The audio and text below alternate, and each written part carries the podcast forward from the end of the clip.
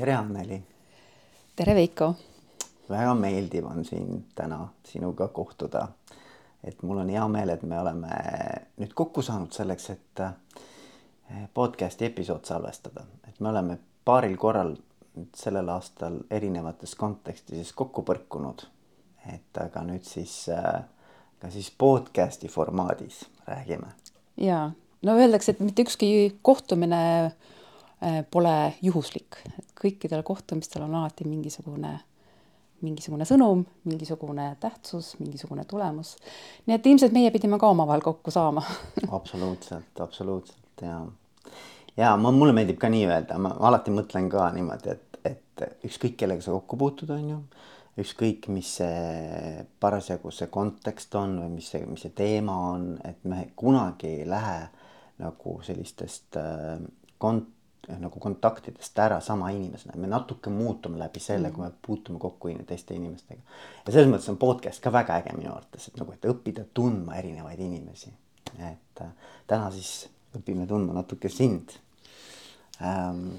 kuidas ma sind sisse juhatan, ma, ma, ma ütlen ausalt, et sul on nii kirju ja mitmekesine taust milles võib-olla üks sõna jah, tõesti, mida ma mõtlesin, et noh, mis see punane niit on, mis seob kõik need erinevad sinu tegevused kokku, et et võib-olla see sihuke ähm, fookus nagu kestlikkusele ja fookus nagu sellisele ähm, jätkusuutlikkusele. et võib-olla see on see väärtus, mis nagu seda kõike seob. et aga ma ei tea, kuidas sa ennast ise tutvustaksid, et kui me saame sinuga näiteks kokku mingil täiesti äh, suvalisel sotsiaalsel äh, üritusel, et äh, kuidas sa siis ennast näiteks tutvustaksid? tea, ma kohe kikitasin kõrvu, et kuidas sa mind tutvustad või kuidas see, et või mis on sinu jaoks see eh, minu ja minu see punane joon, nagu sa mm -hmm, nimetasid mm. -hmm. et mul on endal ka aeg-ajalt raskusi, kuidas ma siis ennast identifitseerin või kuidas öelda see, kuidas teha nii-öelda lifti kõne iseenda kohta. aga, aga tõsi, ma olen hästi sellise otsiva loomuga ja, ja mind käivitavad probleemid ja, ja võib-olla just see, see suuremate probleemide lahendamine ja ühiskonna nügimine paremate ähm, paremate lahenduste poole, et see on ilmselt olnud küll üks minu selline nagu läbivaid jooni. ja, ja töötanud ma olen ju kõigis kolmes sektoris. ma olen töötanud äh, pikalt äh, erinevates firmades, noh, nii rahvusvahelistes firmades kui reklaamagentuuris ma olen äh, töötanud avalikus sektoris, äh, Riigikantseleis äh, ja seal oli mul olla au EV saja juhtrühma liige ja, ja juhtiga, juhtida siis ka seal turundus- ja kommunikatsioonitiimi. ja noh, loomulikult äh, hästi palju tegemisi on olnud mul vabas sektoris ja võib-olla seal on nad olnud ka kõige silmapaistvamad ehk Äh, või on noh, mis nagu kõige rohkem äkki ühiskonnas resonantsi leidnud, et nii Eestis kui välismaalt. et, äh, et juba siis, kui reklaamagentuuris töötasin, juba siis oli mul võimalus ähm, äh, tegeleda erinevate sotsiaalkampaaniatega, see mind alati väga inspireeris mm. ja, ja sealt äh, tekkisid mul need üldse need esimesed äh,, esimesed mõtted, et äh, miks äh, miks ma teen kampaania, mitte midagi ei muutu, eks mis peab olema siis äh, teistmoodi, et, et ikkagi need äh, ühiskonnas need muutused leiaksid aset. et see muutuste juhtimine tuli hästi nagu selgelt mulle lauale. ja, ja noh, tänaseks ma olen nüüd viisteist aastat äh, tegelenud Teeme Äraga, Teeme Ära mm., ma arvan, et eestlastele ei ei vaja tutvustamist yeah., see algas juba kaks tuhat kaheksa esimese prügikoristusaktsiooniga ja tõsi, mina liitusin selle mm, aktsiooniga ju ainult kaheks kuuks esialgu oli esialgu plaan, kaheks kuuks või ütleme kolmeks kuuks. Eh, selleks, et see kampaania siis ellu viia ja, Eestimaa prügist puhtaks koristada. see, et ma viisteist aastat eh, hiljem ikka, ikka veel sellesama teemaga tegelen. et ehm, noh, see on mind hästi palju kindlasti vorminud ja, ja, ja, ja kujundanud mind selliseks, kes ma siis praegu olen mm. -hmm äge ja, ja noh, sa, sa ju tegelikult täna oled ka koolitaja, eks ju Äh, sedasama muutuste, muutuste juhtimise valdkonnas, eks? ja ma koolitan nii muutuste juhtimist, projekti juhtimist äh,, tuleb ka kohe aja juhtimine okay, ja okay., ja kõik igasugused erinevad keskkonnateemad keskkonnateemadel ka siis, et nii ringmajandus kui ESG kui sellised mm -hmm. juba sellised nagu rätsepa, rätsepa koolitused, et mm -hmm. jah, need on praegu minu pagasis. no selle koolitamise kohta ju öeldakse, et, et kui tahad õppida, hakka koolitama. et, et ilmselt minu puhul see kehtib ka, et mm -hmm. kui tahad asju selgeks saada, et siis on kõige kõige parem viis on selleks äh, hakata siis teisi õpetama, selleks sa pead ju ise kõigepealt asjad endale väga selgeks tegema. ja no ütleme, õpetamisega saavadki asjad selgeks. Või siis saad aru, kui vähe sa tead. Et selles mõttes mõlemad ilmselt. et ja, aga äge, noh, mõtle, kui äge selles mõttes mõelda, et nagu, et, et kui mitmekesine ja samas selline noh, nagu põnev on olnud, eks ju, see teekond, et äh, ja samas on ka mingisugused sellised läbivad jooned, eks ja noh, ega mul nagu väga igav ei ole endaga olnud jah. et kogu aeg on põnev ja, ja ja teil on äh, sattunud ka äh, sellised projektid ja sellised inimesed, kes on mind äh, kaasanud huvitavatesse teemadesse, huvitavatesse projektidesse. nii et kui ma kunagi veel ütlesin, et minu kõige suurem häda on see, et ma ei oska ei öelda, et siis tegelikult see oskamatus ei öelda on, ongi viinud mind nendesse mm -hmm. huvitavatesse teemadesse ja, ja, ja pööristesse mm. -hmm et ma ei kahetse, et ma ei oska aeg-ajalt ei öelda. ja, ja öeldaksegi ju, et tegelikult äh, pigem püüa öelda ja, aga noh, et siis äh, et isegi kui sa ei tea, kuidas see asi lõpuks nagu ära teha, et aga see on põnev ja see tundub nagu asi, mida tahaks teha, et siis pigem püüa ütelda, öelda ja, et siis selle tegevuse käigus saadki selgeks, kuidas, kuidas seda ära teha. ja sa ütlesid nagu hästi õigesti, et ja et ma püüan ka kõigepealt ikkagi ja öelda, et eh, noh, need ettepanekud elus ei tule ka ju juhuslikult. et, eh, et kui see ettepanek on tehtud, siis järelikult ju ma võiks olla see, kes, eh, kes selle teemaga võiks tegeleda ja, ja kui on sees soov öelda ei, siis kõigepealt peaks vaatama, miks ei tahab üldse tulla. Mm. -hmm tihtipeale on see ei tuleb ju puhtalt hirmust. Mm, -hmm. hirmust, et äkki ma ei saa hakkama, äkki, mis teised mõtlevad või siis noh, kes mina nüüd siis olen, et ma peaks selliste asjadega tegelema, et et väga palju on ikkagi nende ei-de all, kui hakata natuke nagu vaatama, on äh, hirm. Ja kui saad aru, et tahaks ei öelda hirmust, siis tegelikult äh, tuleb vastuoksa just jah öelda mm. et siis. peaks just sinnapoole minema, eks ole. täpselt. ja, ja mis sul täna võtab kõige rohkem aega? Äh, täna ei võtagi enam aega äh, täna ma olen jõudnud tegelikult sellisesse kohta, kus, ähm, äh, kus ma olen aja maha võtnud. nii et mm. ma võiks öelda, et täna ongi see kõige esimene päev, kui me sinuga siin arutame asju. Et see on minu, minu esimene päev siis aja mahavõtmises. üliäge, räägi lähemalt. ja, et ähm, nagu ütlesin, ma olen nüüd viisteist aastat äh, tegelikult äh, enam-vähem olnud äh, siis Teeme Äraga seotud, seal vahepeal olin siis ka Riigikantseleis ja ja tegelesin EV Sajaga. aga viimased viis aastat olen üles ehitanud äh, Let's Do It World'i organisatsiooni äh,. See on siis see organisatsioon äh,, kes viib ellu maailmakoristust. Ja Let's Do It World'i organisatsiooni ma hakkasin ehitama siis aastal kaks tuhat üheksateist, kui me olime just esimese maailmakoristuse ära teinud.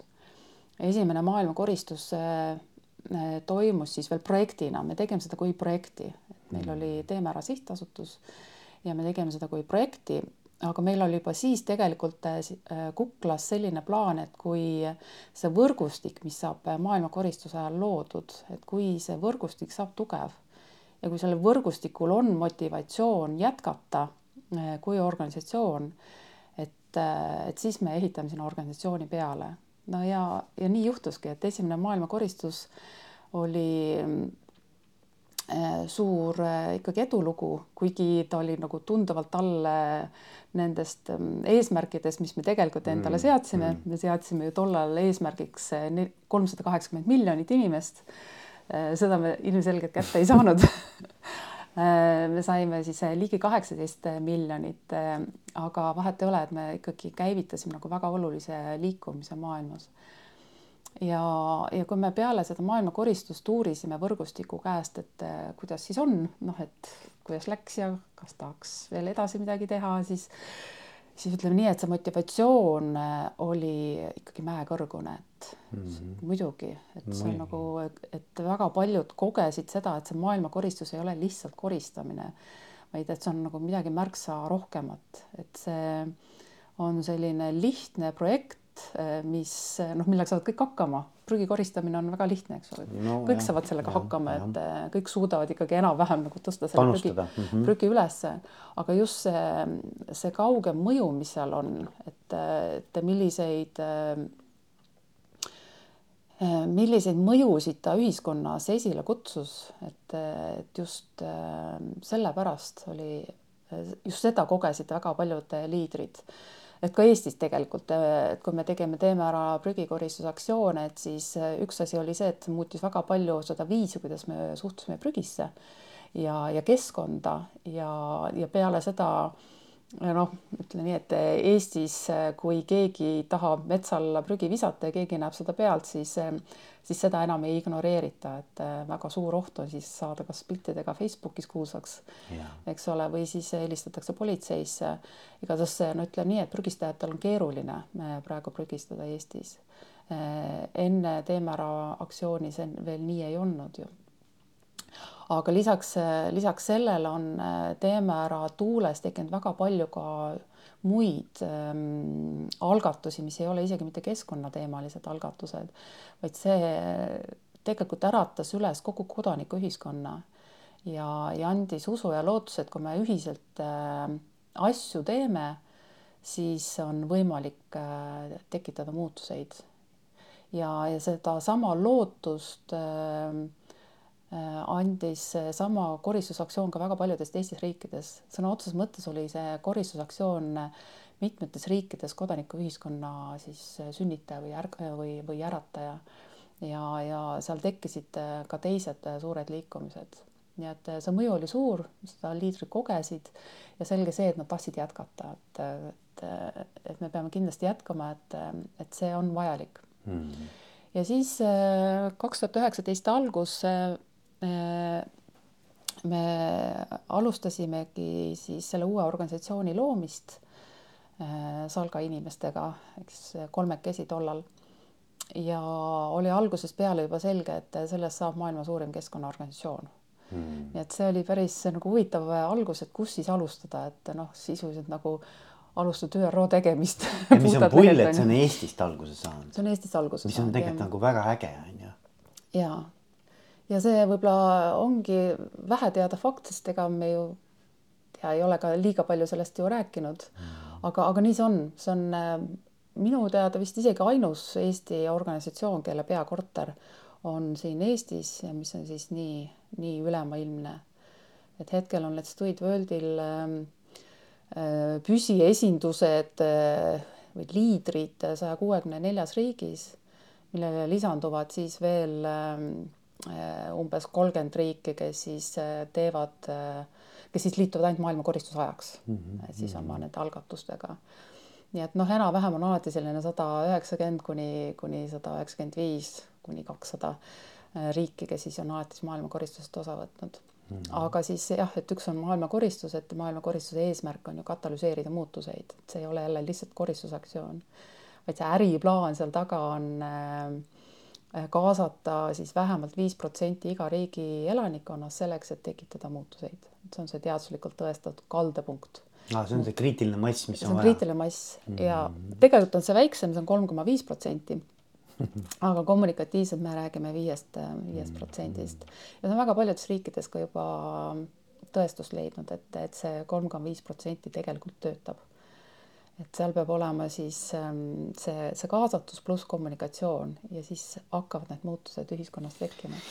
see on väga põnev teema jah, see on väga äge teema, ma mõtlen just, et nagu, et mul on kaks suunda, kus ma tahaks nagu liikuda, üks suund on see, et, et õppida ikkagi tundma natukene nagu sind inimesena, et miks see sulle, miks sina tegeled sellega või tegeled, noh tegelesid, ma ei teagi, ma ei saanudki praegu aru, et kas sa enam ei tegele sellega või noh, alguses hakkasime rääkima, et mis sa täna teed ja siis, et nüüd sa oled nagu vaba. et ühesõnaga see on, see on, aga ma tahaks nagu inimesena rääkida, et mis see sinus puudutab nagu, mis see väärtus on või mis need põhimõtted või printsiibid, mis sind personaalselt nagu kõige rohkem nagu puudutavad selle, selle maailmakoristuse juures, midagi peab olema, sest see muidu ei tegele just sellega. ja teine on see, mis mulle hästi nagu sümpatiseeris, mida sa välja tõid. et äh, et ta on nagu katalüsaator nagu mingiteks palju suuremateks protsessideks, mis ühiskonnas võivad hakata nagu toimuma. et kui me anname inimestele nagu tunde, et on võimalik nagu kodanikuühiskonnana nagu hakata muutusi ise esile kutsuma, et ei pea olema keegi teine, et ei ole nii, et ma istun diivani peal kodus ja mõtlen, et küll keegi teine võiks selle ära koristada, eks ju.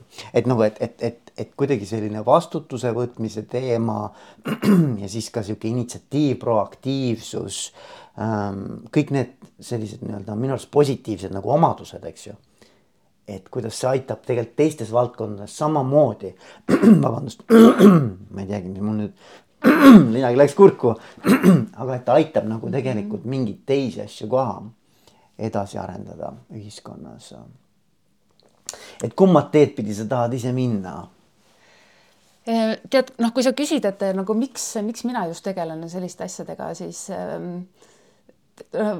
ega ma ju täpselt ei teagi, see on nagu ilmselt nagu kõik kokku mm., kõik kokku, kui sa tunned ära, et see on, see on, see on nagu minu teema või, või sinu teema, et et äh, ma olen talus üles kasvanud, minu jaoks on keskkond olnud kogu aeg oluline, et selline keskkonnaga ühes, ühes hingamine, ühes olemine. Ehm, talutüdrukuna ma nägin seda, et, et kui sa loodust ei austa, kui sa ei ela temaga ühes rütmis, kui sa ei, ei, ei tunneta ennast ühe osana loodusest, no siis loodus loodus siis. võidab alati loodus võidab alati, ütleme nii jah, et, et sa näed siis järgmisel aastal juba tagajärgi, kui sa, kui sa, kui sa õigesti asju ei tee ja kui sa ei mängi oma, oma osa. et see kuidagi see, see holistiline maailmavaade on mul kogu aeg olnud hmm. ja, ja noh, nähes, mul on endal ju majandustaust ja, ja nähes seda majandusmudelit, mis on praegu lineaarne majandusmudel, kus me Eh, ohjeldamatult eh, kasutame loodusressursse ja, ja teeme sellest kaheldava väärtusega väärtust, eks. Eh, teeme sellest asju, mida, mida võib-olla meil ei olegi tarvis. me tekitame endas mingisuguseid, mingisuguseid vajadusi, noh, mis on tegelikult pseudovajadused et see kõik noh, tekitas minus väga kiiresti konflikti, noh, eelkõige just reklaamagentuuris äh, töötades, kus ma, minu töö oligi ju see, et äh, müüa rohkem asju või aidata mm. klientidel rohkem asju müüa mm.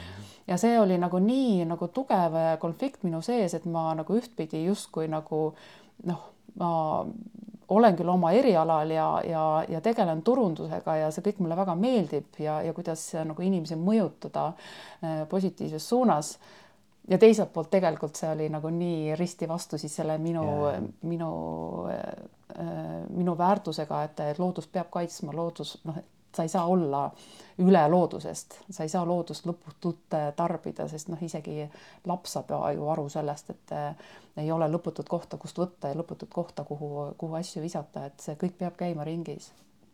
et see, et see mm, see, see on nagu minus kasvanud siin nagu läbi aastate see, et, et see kogu see majandusmudel on nagu lihtsalt nii vale ja see ringmajandus, mis on nagu praegu siis nüüd jõuliselt tulnud äh, kontseptsioonina, äh, see on nagu kõige lähem sellele, kuidas mina näen, et asjad peaksid toimima. noh, loodus ka ei ole ju prügi, et kõik, mis mm -hmm. sünnib, kasvab, lõpuks sureb ja saab järgmise elu osaks, et täpselt samamoodi me peaksime inimestega käituma, et olema samamoodi looduse osa, et kõik, mida me Eh, oma kätega loome, et see peab eh, lõpuks siis täitma oma funktsiooni ja saama siis järgmise elu osaks, aga paratamatult see ei ole. noh, võtame kasvõi plasti, eks ole, mis eh, noh, mida me, mis, mida on peetud väga suureks innovatsiooniks. aga samas selline innovatsioon, mis tapab miljoneid elusolendeid ja ei mädane, ei kõdune ja, ja tekitab väga-väga palju äh, halba nii, nii loomadele, lindudele kui ka meile endile, et eks me ju, ju teame ise ka, et meil on juba mikroplastik sees ja, ja on väga palju uuringuid, kuidas, kuidas ta mõjutab nii meie fertiilsust kui, kui meie tervislikku seisundit. et see kõik tegelikult me teeme iseendale ka ju halba, et, et plast on võib-olla nagu üks selline nagu kõige ehedam äh, näide inimese poolt loodud innovatsioonist, mis on tegelikult tupiktoode. ei vasta sellele looduse printsiipidele, et ta ei käi ringis mm., vaid ta külvab hävingut. et see, see nagu see suur pilt, et kuidas maailmas võiks, äh, võiksid asjad toimuda, kuidas millise majandusmudeli järgi me peaksime siin maailmas toimetama selleks, et, et elu maailmas kestaks ja kestaks niimoodi, et me saaksime nautida seda elurikkust. et mm. minu jaoks on aga väga-väga kurb vaadata, kuidas elurikkus kaob. ja, ja, ja, ja noh, selge, et, et sellisel viisil edasi elades noh, meie lapsed enam sellist elurikkust ei näe, nüüd küll saame tehnoloogiat nautida, jah ja. ja siis me nautimegi seda elurikkust läbi tehnoloogia, aga mitte enam eh, ehedal kujul. jah, no siin on hästi palju nagu teemasid jälle, et mis mulle nagu endale tundub, et, et, et vaata, et, et me oleme ikkagi ju inimkonnana püüdnud kogu aeg nagu noh, vähemalt enda sellises nagu mõistes olla progressis ja areneda ja kasvada ja, ja see progress on kogu aeg kiirenenud, see tempo, eks ole mm. -hmm kõik need industriaalrevolutsioonid ja, ja, ja kõik on üles ehitatud nii-öelda sellele, et kogu aeg peaks elu minema rikkamaks ja paremaks ja kiiremaks ja, ja, ja et aga, et ühel hetkel vaata see kestlikkuse teema tähendab seda, et sa pead ikkagi ka äh, nagu aja maha võtma ja sa pead kuidagimoodi hakkama, nagu sa ise ütlesid, nagu looduse rütmis rohkem elama, eks ju. et me oleme võib-olla sellest looduse rütmist nagu noh, tahtnud välja minna, et nagu täiesti oma, oma rütmi hakata looma siin maa peal, mis ei mm. lähe kokku võib-olla sellega, aga noh, et, et, et võib-olla see challenge on minu arvates see, et kuidas need inimesed, kes tegelikult on harjunud nagu mingis mõttes see nõuab meid harjumuste muutust ju mm. -hmm, inimestena, et, et kuidas neid harjumusi muuta inimestes, noh, ühelt poolt see on nagu hoiakute muutmine, väärtus, väärtusmaailma teadvustamine et noh, et, et on mingid asjad, mis tegelikult meie elu võib-olla natukene laiemas plaanis nagu mõjutavad kui see, mis on nagu ütleme siin hetkes see heaolu, eks ju. Äh, mis ei peaks nagu ka vastuollu minema, et ütleme, et mul võib olla ka väga hea olla ja ma võin väga head elu elada ja samas olla ka väga kooskõlas selle kestlikkuse printsiibiga. Et kuidas sa seda näed nagu? no kõik see maailm, mida noh maailm, mida me loome, see on ju meie enda loodud, ehk siis mm. me elame iseenda oma väärtuste, oma uskumuste, oma emotsioonide järgi. ja noh, mida mina näen, et, et väga, et, et see, mida me nagu oluliseks peame, et selle järgi me ju käitume ka, et mm-hmm. kui me peame oluliseks seda, kui palju on meil asju, no siis me tegelemegi selle nimel, et meil oleks neid asju kui me peame ühiskonnana väärtuslikuks seda, et meil oleksid terved suhted, et me tunneks ennast ise õnnelikuna, siis me tegelemegi selles suunas. selles suunas me oleme tegelikult praegu väga vähe tegelenud, et me pigem väärtustame seda, mis on nähtav. ehk siis me mõtleme ikkagi oma, oma edu, edu hindame läbi, läbi nende materialistlike väärtuste. see kõik on juba muutumises, et noh, vaadates kasvõi seda, et näiteks kuidas väärtustati inimest või hinnati inimest eh, nagu ütleme siis veel kakskümmend aastat tagasi oli nagu teistsugune kui praegu. Eh, noh, vaatan kasvõi oma laste pealt, et eh, kui vähe nad väärtustavad seda, kui palju asju neil on mm. -hmm. et tegelikult nad juba, juba hindavad hoopis teisi asju. Ja, ja nii et see, mida me mõõdame, seda me ju tegelikult ka saame alati mm. -hmm. et et ma tahaks väga näha seda ühiskonda, kus me mõõdame pigem, pigem just neid pehmeid väärtuseid. kui õnnelikuna me ennast tunneme, kui, kui palju me väärtust ühiskonnale ise vastu pakume, et kuidas seda kõike mõõta ja, ja panna hoopis rõhk sinna, et et sealt tekib kokkuvõttes see, see õnnelikkuse tunne ka. Noh, vaadates kasvõi näiteks neid noh, vanu kogukondi, et seal oli kõik ju tervik, eks. Kõik, seal olid rituaalid, traditsioonid, seal olid ähm, need tarkused, seal olid nagu kõik nagu paigas ja inimesed tundsid ennast õnnelikuna. Ja nüüd, kui me nüüd oleme selles nagu kogukondlikust elust välja tulnud, äh, elame linnades, me oleme võõrandunud loodusest, me oleme tegelikult võõrandunud ka teineteisest, me oleme läinud individualismi ja tänu sellele on tekkinud meis äh, see see tunne, et me oleme maailmas üksi ja me ei tunne ennast tegelikult enam õnnelikuna ja siis me püüame kompenseerida seda õnnetunde vähenemist noh, siis igasuguste asjadega ja emotsioonidega ja ja, ja, ja muude võib-olla sõltuvustega, eks ole. Et tegelikult, kuidas nagu jõuda jällegi tagasi sellesse maailma, kus me saame kõik õnnelikuna tunda. ja siin tegelikult me vajame nagu head, head juhtimist, eks ole mm. -hmm. et see ei ole nagu üleöö tehtav, aga see on nagu see, et kus me iga päev me tegelikult peaks nügima seda ühiskonda just äh, sinna suunas. ja noh, mida mina näen nagu ka, et, et väga palju on maailmas just nimelt neid ähm, hirme, hirme, igasuguseid hirme. Äh, hirm, kas ma olen ikkagi piisavalt väärtuslik, kas ma olen, kas ma olen piisav, kas ma olen piisav oma, oma rollis. inimestel on erinevaid rolle kõikide rollide pihta on tegelikult küsimus, et kas ma olen piisav, kas ma olen piisav emana, isana vanaemana, vanaisana, kas ma olen piisav mm, juhina, eksperdina mm, -hmm. sõbrana, võib-olla veel kellegina, et need on kõik, kõik hirmud ja äh, vahest me julgeme neid hirme väljendada ja, ja, ja, ja neile ka vastu seista. aga vahest me ju, ju peidame need hirmud nii ära ja, ja püüame siis tegelikult äh, ähm, näida mitte hirmununa mm. -hmm ja, ja see on võib-olla isegi veel hullem mm. -hmm. et kus me hakkame tegelikult äh, alateadlikult võtma vastu otsuseid, mis on äh, tegelikult hirmust lähtuvad mm. -hmm. hirmust lähtuvad otsused on alati valed mm. -hmm. Kas sa usud, et on võimalik samal ajal majanduslik äh, kasv ja kestlik eluviis? Äh, kui sa selliselt seda küsimust püstitad, siis ei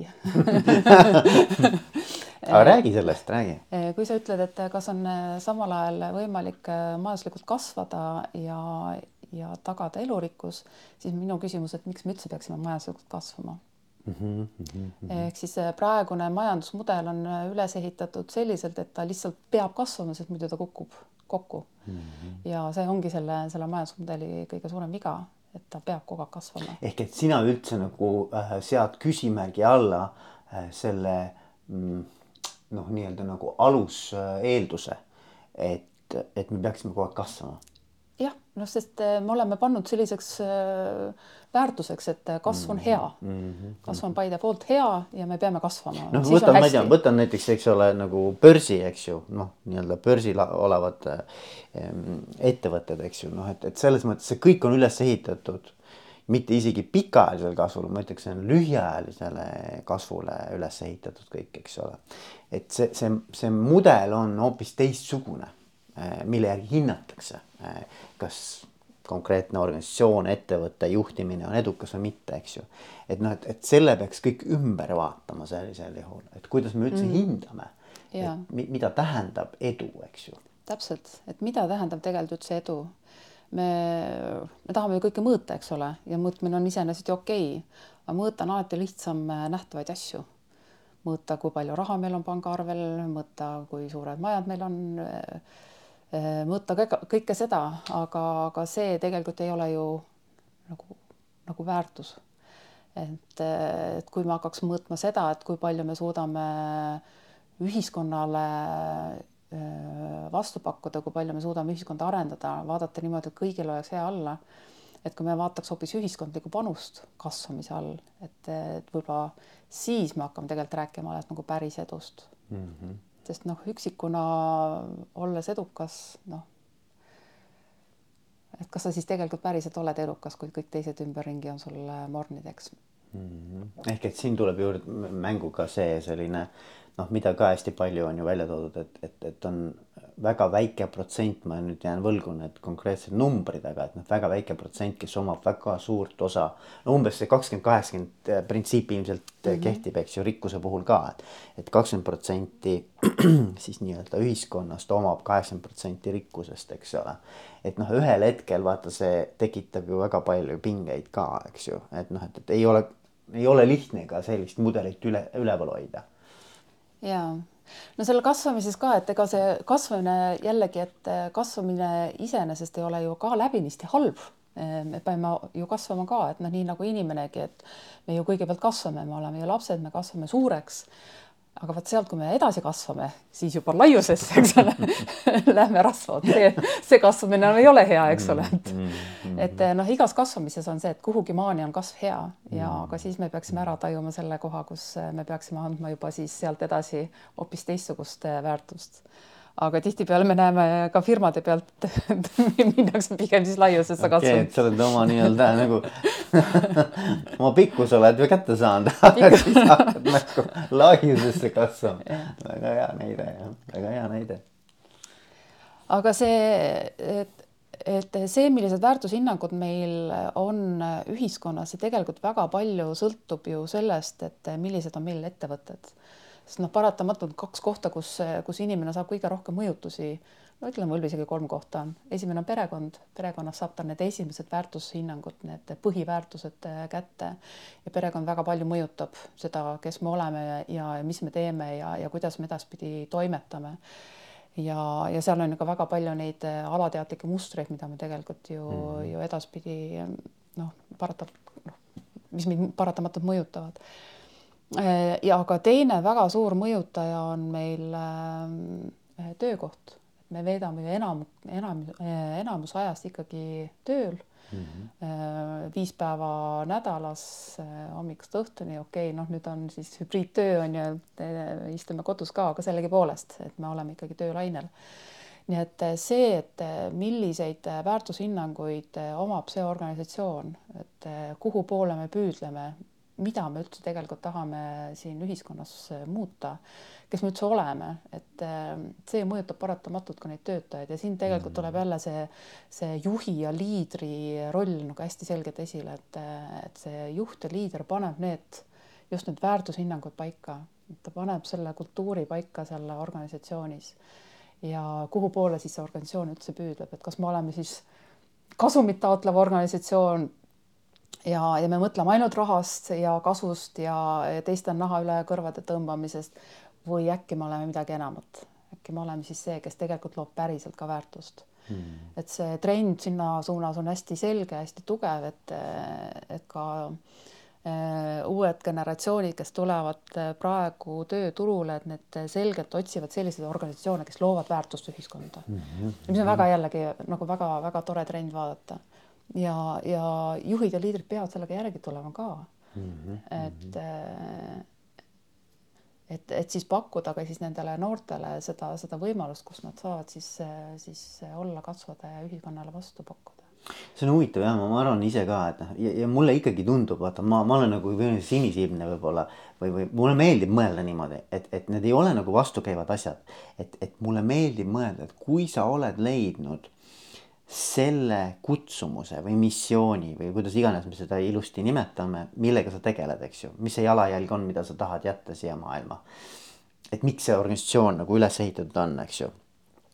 et kui see on midagi sellist, mis resoneerub ja mis tegelikult loob mm. väärtust, aitab sinu elukvalit- või noh, ütleme ühiskonna elukvaliteeti parandada, siis tegelikult ühel või teisel moel see tuleb ka nagu sellises nii-öelda nagu rahalises väärtuses tegelikult tagasi mm. -hmm. et, et, et ma ei tea, kuidas, aga et, et see, see on seesama minu arust see ringmajandus, et nagu, et kui sa lood väärtust inimestele ja nad tunnevad, et sellest läheb nende elu paremaks, siis see on ka nagu tegelikult pärast kuidagi noh, nagu tunnustatud ja see saab kuidagi ka materiaalselt nagu äh, noh, nagu noh, kuidagi see tuleb tagasi mm. -hmm. ma ei tea, kuidas, aga see tuleb tagasi, ehk et kui sa alustad sellest, et ma tegelikult äh, loon organisatsiooni põhimõttel, et ma tahan aidata inimestel oma elu paremaks muuta, siis ilmselt see saab olema ka suurema tõenäosusega edukas ettevõte kui see, kes nagu mõtleb pigem nii, et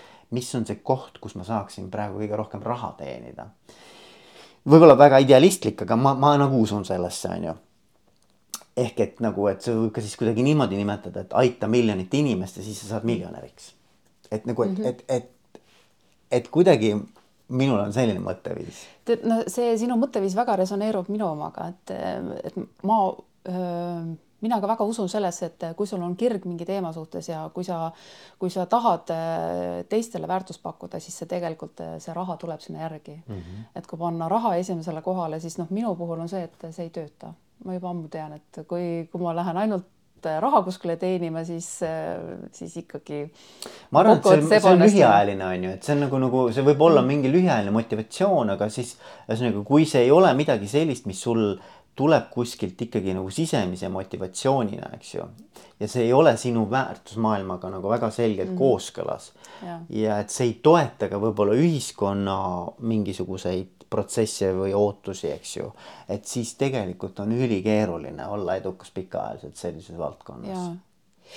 ja, ja äh, mulle meeldib siin aastaid tagasi äh, mind äh, ka üks ähm, üks inimene kutsus oma, oma ettevõttesse või oma ärisse siis ka partneriks ja, ja siis ähm, noh, ta tegi siis arvuti lahti ja siis tal olid väiksed slaidid ka seal tehtud ja siis ta näitas selle kõik see, mis tal siis see äriplaan on ja, ja kuidas see võiks olla. ja siis ta pani slaidid kinni ja tema desktopil oli pilt garaažist, mis oli poolenisti sularaha täis.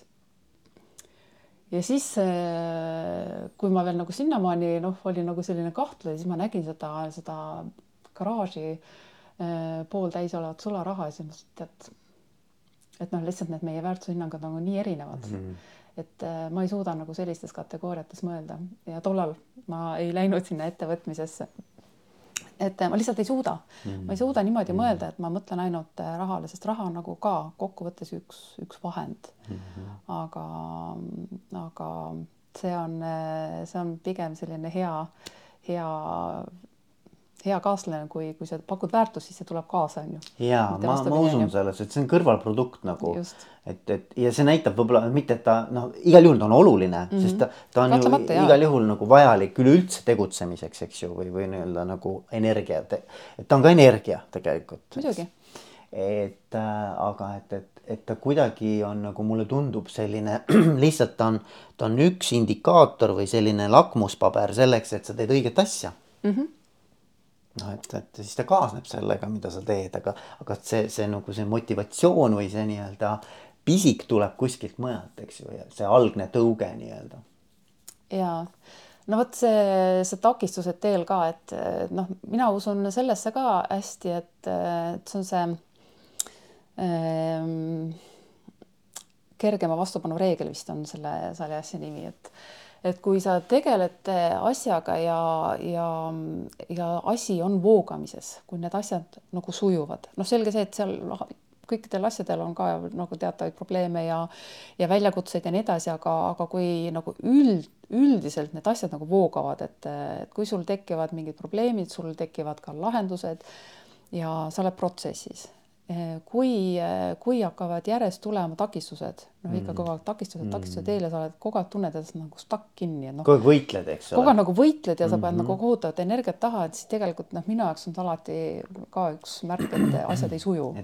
Ja raha on ka üks, et kui nagu raha mm -hmm. ei tule peale, no järelikult ei ole siis ka nagu päris ja. õige, nii et ta on tegelikult ka üks sümptom, et et. ta on üks indikaator ilmselt jah, et kas see nagu asi siis peab saama võib-olla ei ole õige aeg, on ju. võib-olla ole õige aeg. võib-olla ei ole õige aeg, võib-olla ei ole valmis mm -hmm. veel, ma ei tea, kes iganes siis need osapooled seal on, eks ole mm. -hmm. et jah.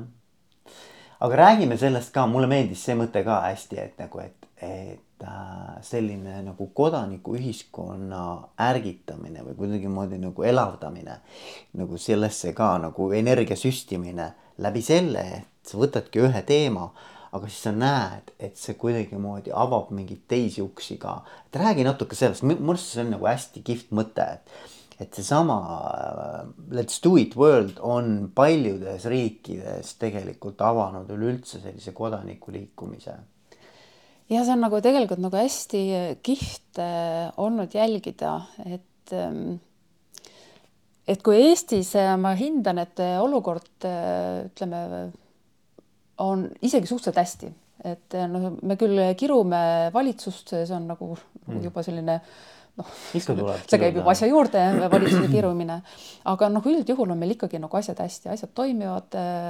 et inimesed isegi tunnevad, et kui nad ikkagi midagi tahavad muuta, siis nad saavad selle kõva häälega välja öelda ja, ja võib-olla asjad muutuvadki aga väga paljudes teistes riikides see ju nii ei ole ja mm, -hmm. ja nad väga paljudes riikides on poliitikud ääretult korrumpeerunud, isegi nii korrumpeerunud, et et nad ka ei varja seda, kui korrumpeerunud. see on nagu osa juba loomulik osa kogu sellest. see on nagu loomulik osa jah, et mm, et ka meie oleme seda korruptsiooni eh, tunnetanud eh, päris selgelt, noh näiteks päris mitmes riigis on küsitud meilt altkäemaksu selleks, et me saaksime maailmakoristust teha. noh et kui absurdne see wow. saab veel olla, et yeah. et valitsus peaks toetama selliseid kodanikualgatusi, aga mitte küsima altkäemaksu, et kui te maksate meile siin raha, siis me lubame teil koristada, eks ole veider on ju. veider jah, jah et eh, noh, see näitab, et kui korrumpeerunud need poliitikud on ja kui nüüd maailmakoristus eh, toimub eh, riigis ja sealt tulevad massid taha ja selle tulemusena inimesed näevad, et tegelikult ka päriselt midagi muutub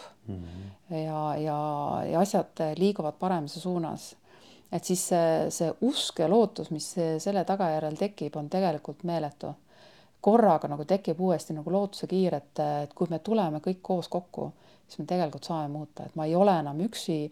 Eh, mul ei ole seda lootusetust, et eh, niikuinii mitte midagi ei muutu, kõik on nagu halvasti, püüan lihtsalt ise ellu jääda, vaid nagu korraga tekib see lootus. ja see on lihtsalt nagu nii kõva. et see põhimõtteliselt on siis nii-öelda mingisugune selline empowerment või noh, niisugune nagu, et, et ta annab nagu, ta võimestab, eks ole, näitab, et on võimalik midagi ära teha Äh, ühes valdkonnas, siis järelikult on tegelikult võimalik samamoodi ja. teistes valdkondades ka teha. jah, noh, ka Eestis me oleme ju näinud seda Teeme ärat, et see Teeme ära, kui, kui lööklause on, ei ole läinud nagu päris, päris paljudesse sektoritesse, et kuulge, aga teeme siin ka ära, teeme ühe Teeme ära, eks. ja noh, samamoodi teistes riikides äh, ka, et mm. see let's do it, et let's do it'is on see nagu power sees, eks. ja, ja no natuke see Nike on see just do it on ju jah, aga noh. ja, ja, ja, ja aga, aga mis on sul mõni näide ka, on, oskad sa mõnda näidet ka tuua, et mis, mis liikumised või mis, mis nii-öelda nagu äh, veed see liikuma on pannud mõnes kohas? no me eelkõige vaatame ju seda, et kui palju on äh, just äh, siis seda ühiskonda nagu nügitud äh, prügivaba ühiskonna poole, et no sellised äh, nagu väga head näited on noh, esimesena Sloveenia, kes ju tuli juba aastal kaks tuhat kaksteist meile, meile järgi. ja, ja Sloveenia kaasas neliteist protsenti oma elanikkonnast. väga kõva mm. -hmm. ja, ja kaks aastat järjest, nii et, et see aktsioon seal nagu ilmselgelt nagu katalüseeris seda ühiskonda, nii et praegu ühesõnaga peale seda aktsiooni nad võtsid kohe suuna Zero Waste'i poole ehk siis Ljubljanas, nende pealinnas sai siis esimene Euroopa eh, siis Zero Waste ehk siis prügivaba pealinn. Eh, see siis tähendab seda, et nad võtsid siis teatud printsiibid kasutusele selleks, et liikuda sinna prügivabaduse poole ja, ja praegu see mm, sorteerimise tase oli kas mingi seitsekümmend kaheksa protsenti linna prügist nad sorteerivad, mis on nagu väga ääretult kõrge eks kõik see läheb taaskasutusse. ja, ja nüüd äh, me näeme sealt nagu hästi palju ringmajanduslikke algatusi, nii et Sloveenia on ka nagu riik, millel kogu aeg silma peal hoida, sest seal on hästi palju neid algatusi, et see ei tähenda seda, et maailmakoristus nüüd ainuüksi tekitaski selle, et ei, aga, aga maailmakoristus kahtlemata just katalüseeris neid muutuseid ja, ja, ja tõi selle ühiskonna kokku ja, ja, ja pani ühes suunas liikuma või siis ka noh, keerulisemad riigid, näiteks Indoneesia, Indoneesiasse äh, kaasati kolm protsenti elanikkonnast, ei olnud päris kolm koma viis protsenti, aga kolm protsenti elanikkonnast, aga Indoneesia on ääretult keeruline riik, et äh, olematu jäätmekäitlussüsteem, äh, tuhat keelt, seitseteist tuhat saart mm., noh, ühesõnaga väga-väga keeruline, pluss veel hoovustega tuleb sinna sealt teistest riikidest prügi ka ja nii edasi ja ometi seal on ka muutused täiesti nagu selgelt näha, et me tegime rahvusvahelise mm, turu-uuringu firmaga Nielsen seal ka uuringu siis enne maailmakoristuste peale maailmakoristust. tegime seda kolmes riigis, lihtsalt, et vaadata, et kas midagi siis mõjub ka või mitte. ja, ja üks neist riikidest oli Indoneesia ja, ja selgelt peale maailmakoristust äh, inimeste valmisolek tegeleda prügiteemaga kasvas Nad olid valmis ise panustama, teadlikkus prügist äh, oluliselt kasvas. nii et äh, noh, me nägime, et, et see tõesti nagu äh, nagu küpsetas seda, seda ühiskonda nagu heas mõttes selleks, et, et kogu see ühiskond siis liiguks äh, lahenduste poole.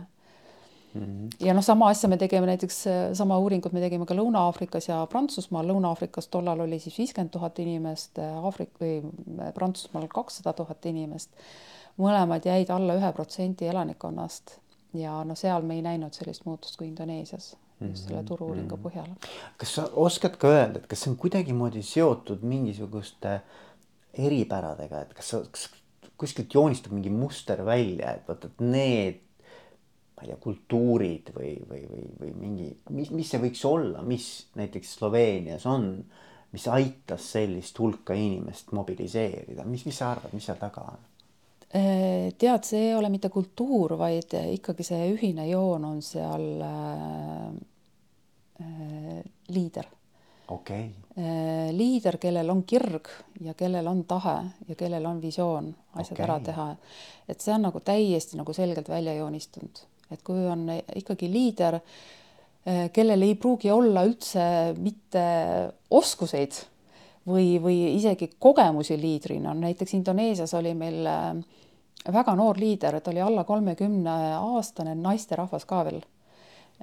no ütleme, sellises ühiskonnas noore naisena saada selliste, sellise asjaga hakkama on tegelikult juba, juba omaette suure vägitükk arvestada, et seal on noh, osad traditsioonilised ringkonnad ikkagi sellised, kes ei, ei aktsepteeri naist kui juhina ja, ja seda enam veel nagu sellist naist, kes ei, ei kanna rätti ja, ja kes ei võib-olla noh, ütleme siis, et Läheb nagu traditsioonidega natuke vastuollu. Läheb vastuollu jah, et ta on nagu liialt aktiivne, liialt nähtav ja nii edasi, et, et see ei ole olnud naise roll mm -hmm.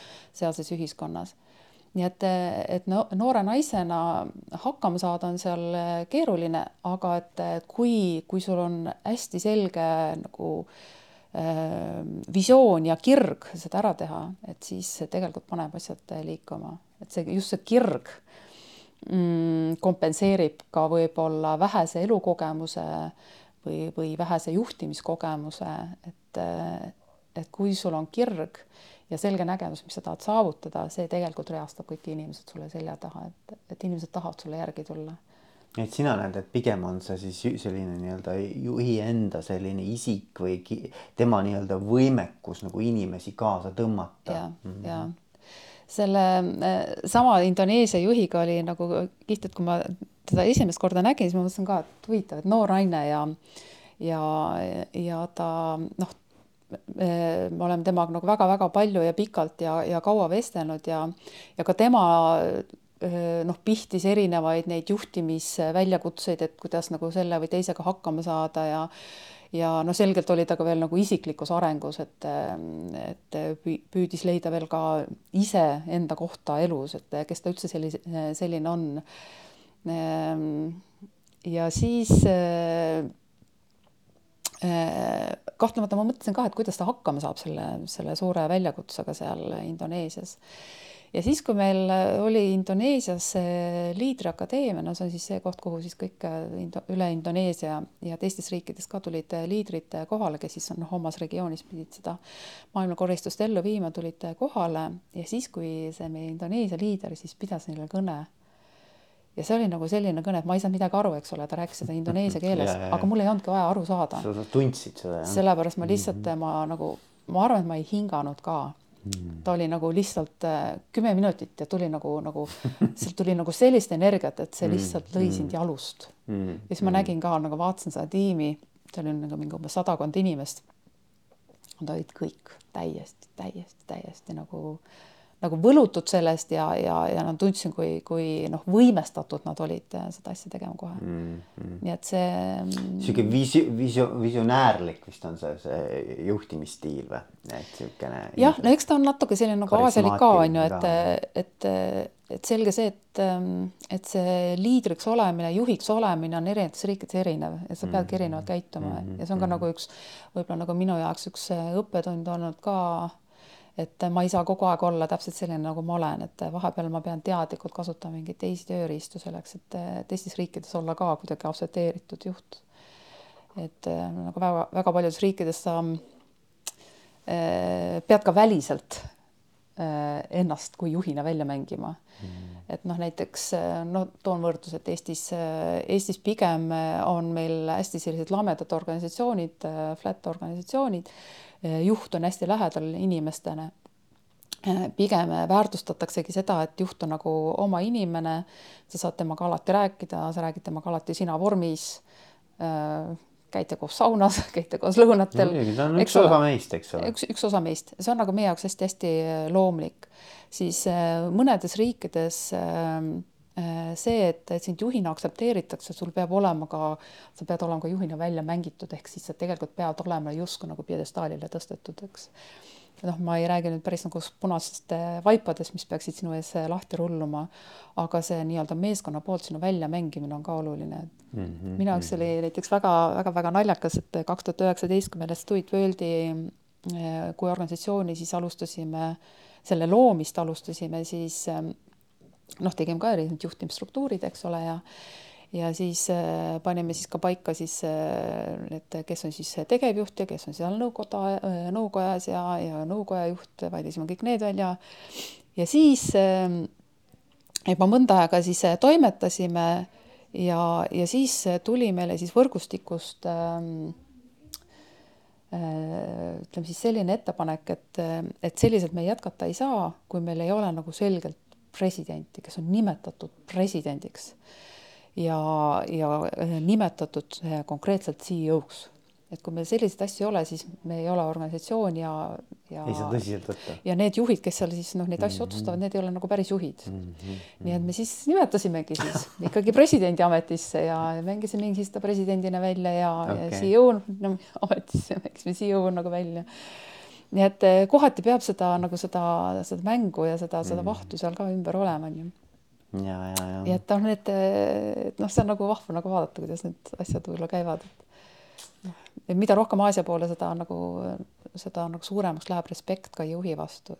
see ilmselt on seotud sellesama selle võimudistantsiga, eks ole, et meil on see ja. suhteliselt madal, eks ju. aga noh, mingites maades on see seotud nagu ilmselt on ikkagi kultuuriline teema ka et, et mis, mis see kultuuritaust on, et kus, kus teda on rohkem ja kus teda on vähem, on ju?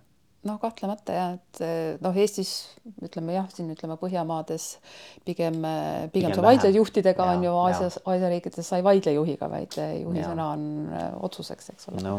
ja nii edasi, nii edasi, nii et noh, need on sellised nagu huvitavad huvitavad kohad olnud jah aga räägi siis, mis sa siis nüüd edasi teed, mis, mis sa ikkagi jätad väga siukse nagu saladusloori alla selle, et, et noh, et, et nüüd sul nagu noh, et ma nagu olen vaba või mis, mis toimub teate, noh, ma viis aastat nüüd seda organisatsiooni siin üles ehitasin ja mulle, mulle nagu ühel hetkel tundus, et see organisatsioon on, kui, kui majana on ta valmis. vundament on valmis. vundament on valmis ja et äh,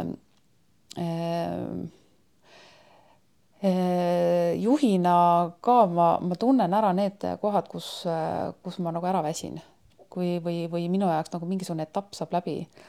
Ja, ja sealt edasi on võimalik siis mõnda aega tiksuda, enne kui ma siis leian selle nagu järgmise selle, selle motivatsiooni, selle visiooni, aga kui see visioon puudub, et siis, siis on nagu õige aeg, aeg maha võtta.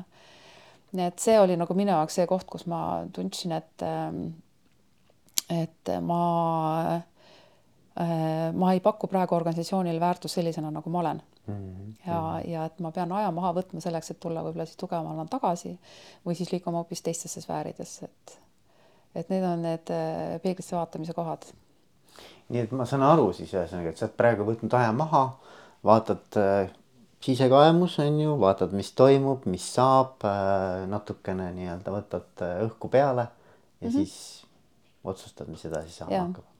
ja ma ise olen tegelikult sellest nagu hästi võiks isegi öelda, et elevil see on nagu see, see puhta lehe teema mulle hästi meeldib mm, -hmm. et, et ma mm-hmm. te tegelen nagu mingi teemaga hästi intensiivselt ja siis, ja siis ühel hetkel siis astun välja ja, ja siis on puhas leht ja siis ma vaatan jälle, mis looma hakkab.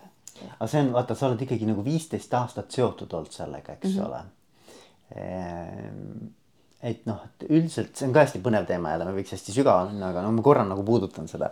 et, et, et sa ikkagi vaata, inimesed on erinevad, et, et kui palju nad oma identiteeti seovad oma töörolliga. et noh, et kindlasti mingil moel kõik me seome, eks ju.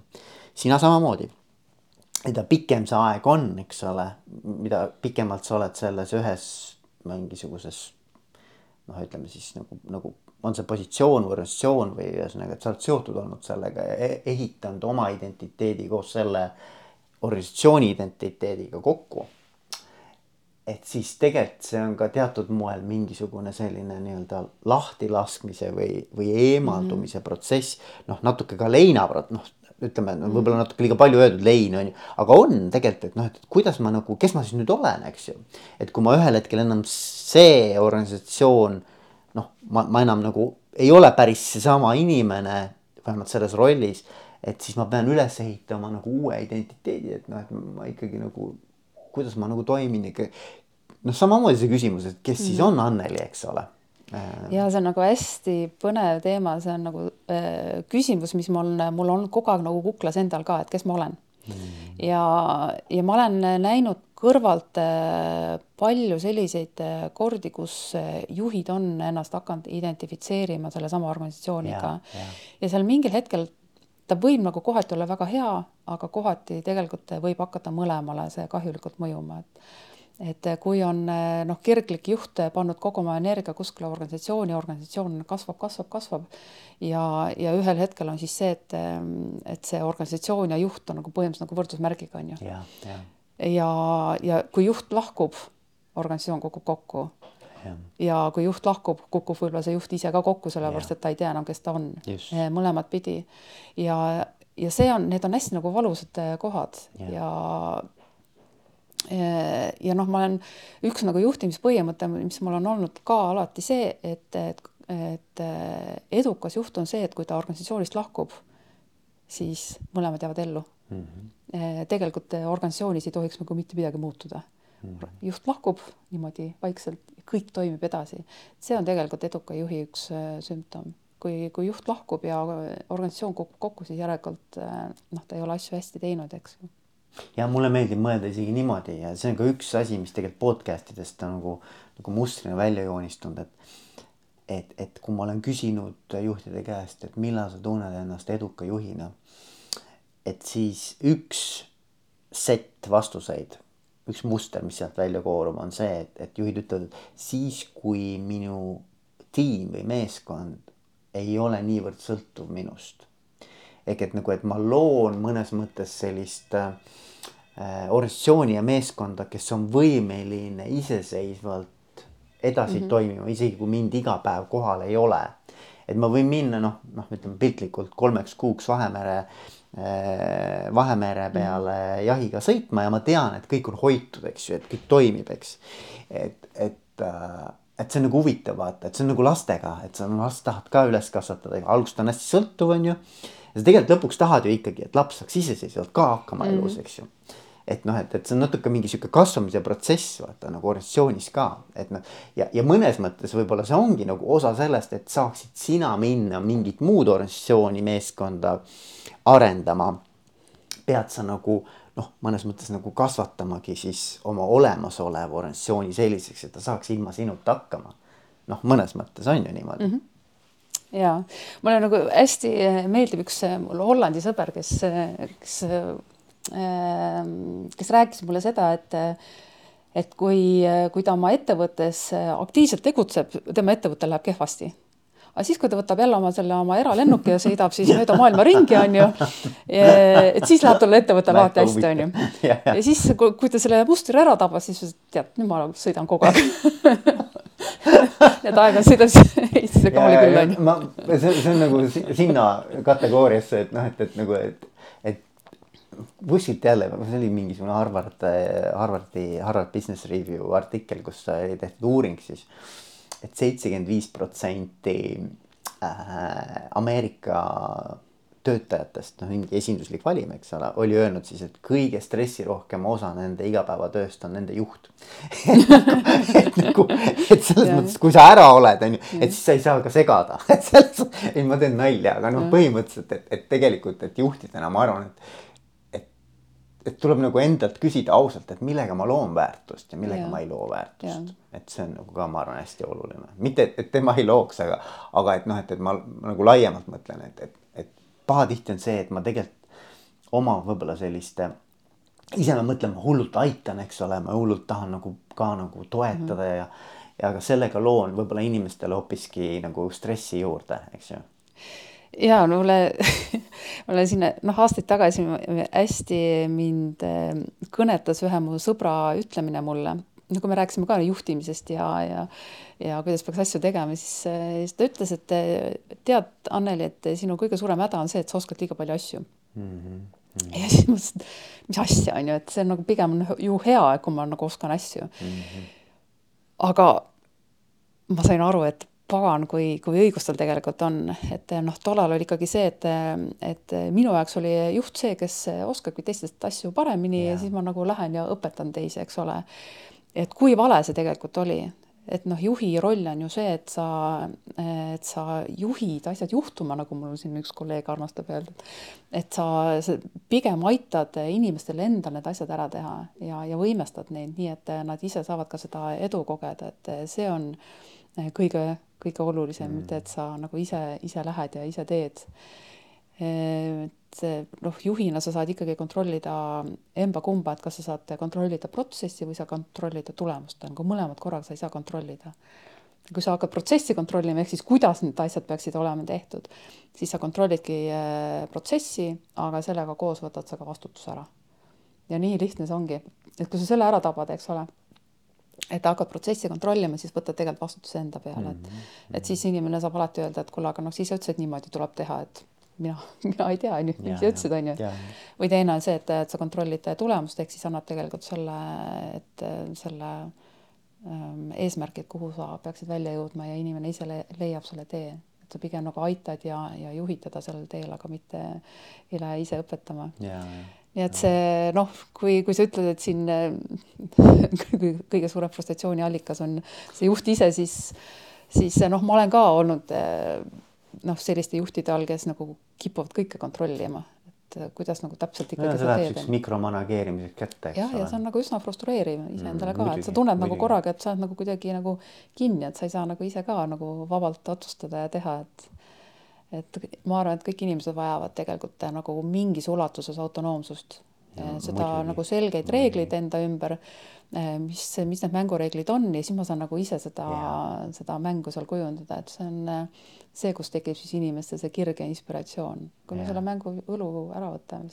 ja, ja no inimesed tahavad eduelamusi ka ja eduelamused tekivad ikkagi läbi selle, et ma ise teen, eks ole, mitte, mitte läbi selle, et keegi teine minu eest ära teeb või noh, et selles mm -hmm. mõttes, et mhm. ma arvan, et need on seotud asjad ja.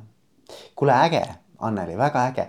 Kas on midagi, mida ma ei küsinud, aga sa mõtlesid, kuule, ma saan Veikoga kokku me räägime muidugi erinevatel ägedatel teemadel, aga et noh, et vot seda tahaks ka puudutada, kas on midagi, mis, mis siia lõppu veel jätta ähm.?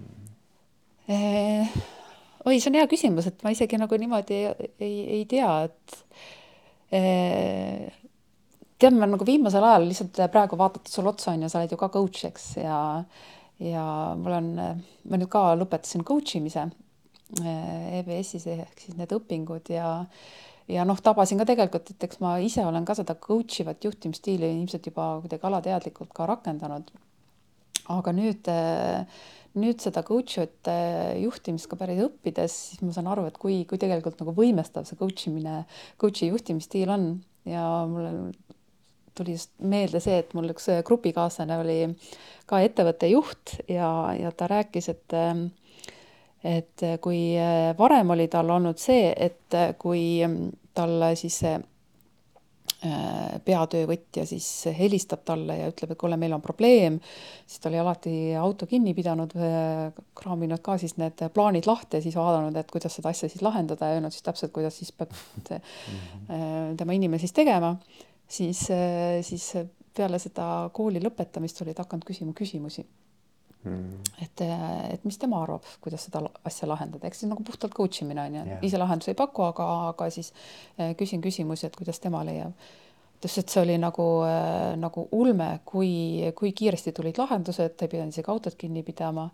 ja, ja kokkuvõttes, kui, kui palju paranes siis see juba see meeleolu seal töö juures ka mm. -hmm. nii et, et võib-olla nagu lõpetuseks oleks hea öelda, et see coach'i juhtimisstiil äkki on küll asi, mida võiks Eestis, mitte ainult Eestis, ülemaailmselt, eks ole,